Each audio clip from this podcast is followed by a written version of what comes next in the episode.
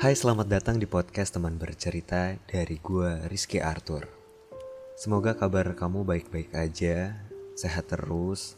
Jangan lupa untuk pakai masker terus, rajin cuci tangan dan selalu jaga jarak sama orang lain Apalagi buat kamu yang harus sering keluar ke kantor, ke sekolah dan lain-lain pokoknya. Di cerita kali ini gue akan coba bahas sesuatu hal yang berbeda.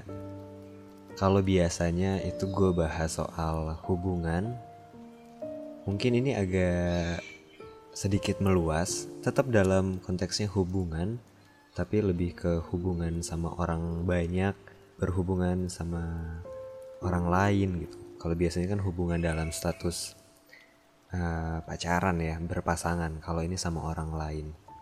Jadi gini, beberapa hari yang lalu gue dapet kejadian. Sebenarnya bukan gue ada orang lain yang dari kejadian yang menimpa orang itu gue jadi ke trigger lagi untuk ngebahas soal hal ini gitu.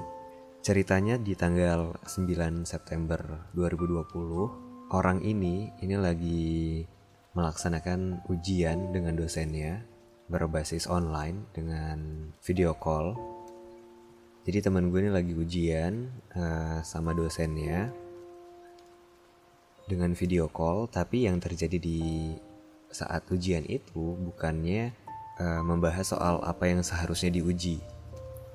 Oke, tetap ada yang diuji, cuman bisa dibilang 20%. Sisanya gue bilang itu bukan hal yang patut untuk diucapkan seorang dosen.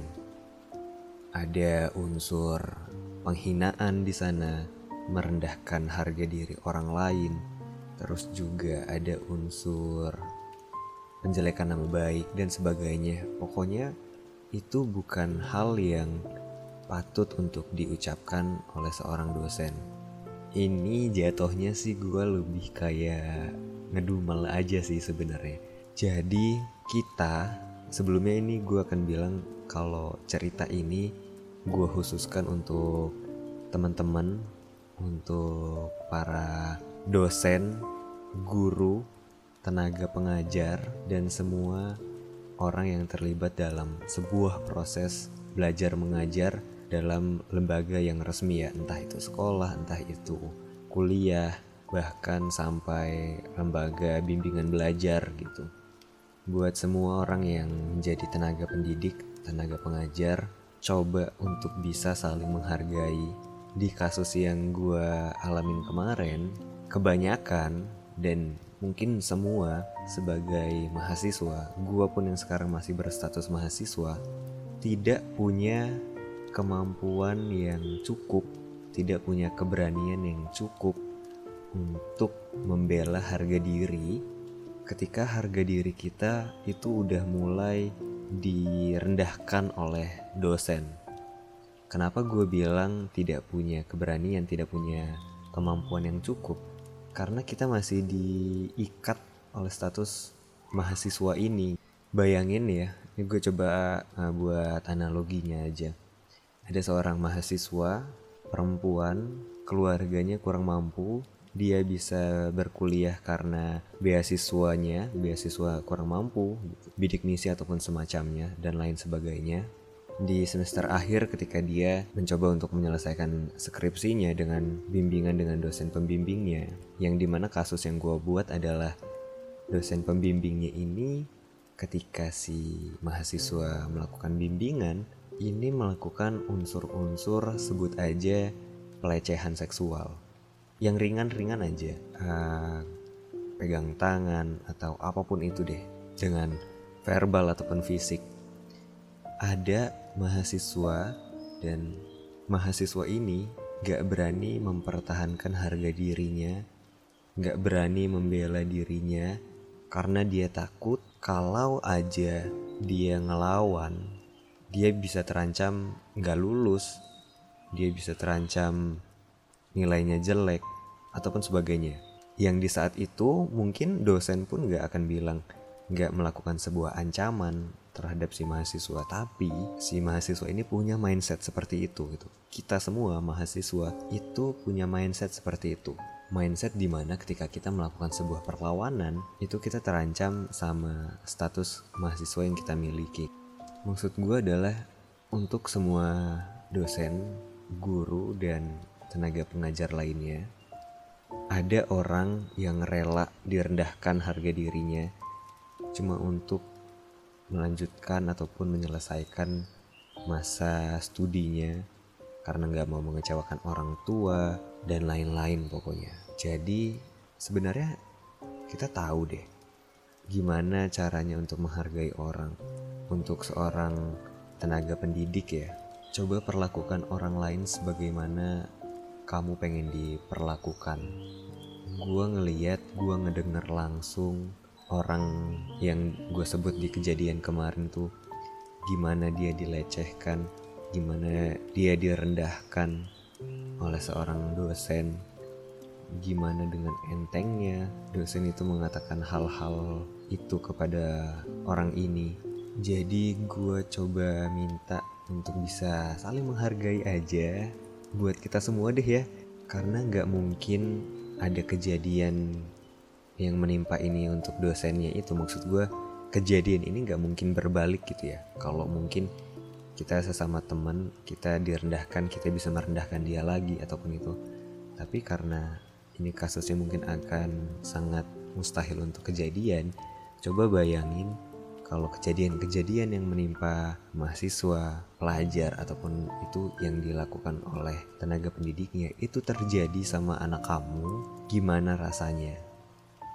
atau gini deh karena mungkin sekarang dosen-dosen udah anaknya udah besar-besar bahkan ada yang udah punya udah menikah udah punya cucu bayangin nanti ketika cucu kamu itu berada di uh, titik ini berada jadi sebagai pelajar sebagai mahasiswa. Gimana rasanya diperlakukan seperti anda memperlakukan mahasiswa-mahasiswanya? Gue percaya kalau uh, karma itu ada ya. Ya semacam karma itu deh apa pun itu namanya. Apa yang kita lakukan itu akan berbalik sama kita. Kalaupun gak berbalik sama kita akan berbalik sama anak kita cucu kita gitu. Sama semuanya apa pun itu gue percaya kelakuan buruk kelakuan baik rezeki dan sebagainya. Mungkin jadi pengingat aja sih ini buat kita untuk selalu bisa memperlakukan orang lain sebagaimana kita ingin diperlakukan. Gue punya temen bisa dibilang sahabat orang tuanya dosen. Gue pun kenal baik dengan orang tuanya deket banget dan dulu di zaman awal-awal masih semester awal masih sibuk kuliah kita kayak punya bercandaan gitu. Bilangin tuh ke mak lu. Bilang jangan kayak gitu sama mahasiswanya gitu-gitu. Dan dia pun bilang gitu.